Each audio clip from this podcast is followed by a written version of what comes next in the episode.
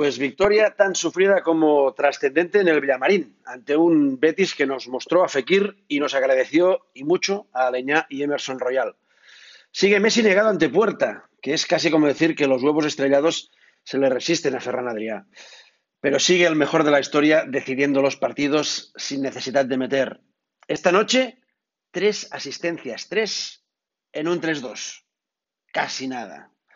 El partido del Villamarín señala a un Titi, señala a Arturito, señala a Junior y señala a Antoñito. Y encumbra básicamente a De Jong, que le va cogiendo la manija a un equipo que en poco tiempo será todo suyo. ¡Qué pedazo de, de todocampista! Cada semana que pasa es una semana ganada. Seis entrenos más para Setién, que va llevando poco a poco el equipo a su terreno. Eso sí, un equipo lento, envejecido, tocado.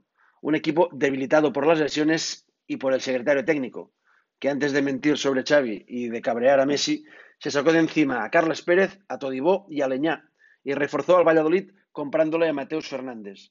Que esta es otra. ¿Cómo puede un secretario técnico sacarse de encima a Todibó y Carlos Pérez con el paupérrimo físico de un tití y la lesión de Luis Suárez? ¿Y cómo puede un presidente no destituir a un secretario técnico que debilita a su equipo en el ecuador de las competiciones?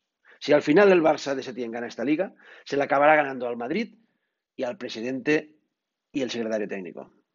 A todo esto, y tras algunos partidos haciendo el canelo en los minutos finales, la de Sevilla es una de esas victorias que acaba dando ligas. Esas victorias y, y las del Bernabéu, que va asomando ya en el horizonte.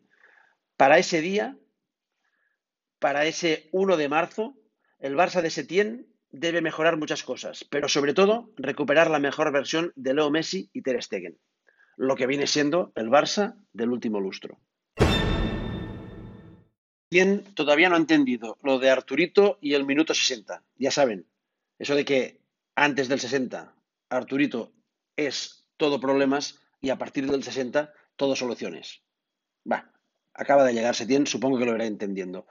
Qué bien nos habría ido hoy Artur en el minuto cero y Arturito a la hora de partido. Con un Titi. El francés sigue siendo, sigue siendo ese velocista de la final de los 100 metros de atletismo, solo que ahora es el que se queda en los tacos en la salida nula. Exhibición del árbitro y del VAR, una más en el doble penalti de Bartra a Messi. Primero le agarra notoria y continuadamente y después le obstaculiza con la pierna derecha e impide el chut de Leo, que está una vez más es penalizado por querer seguir jugando y porque España es así.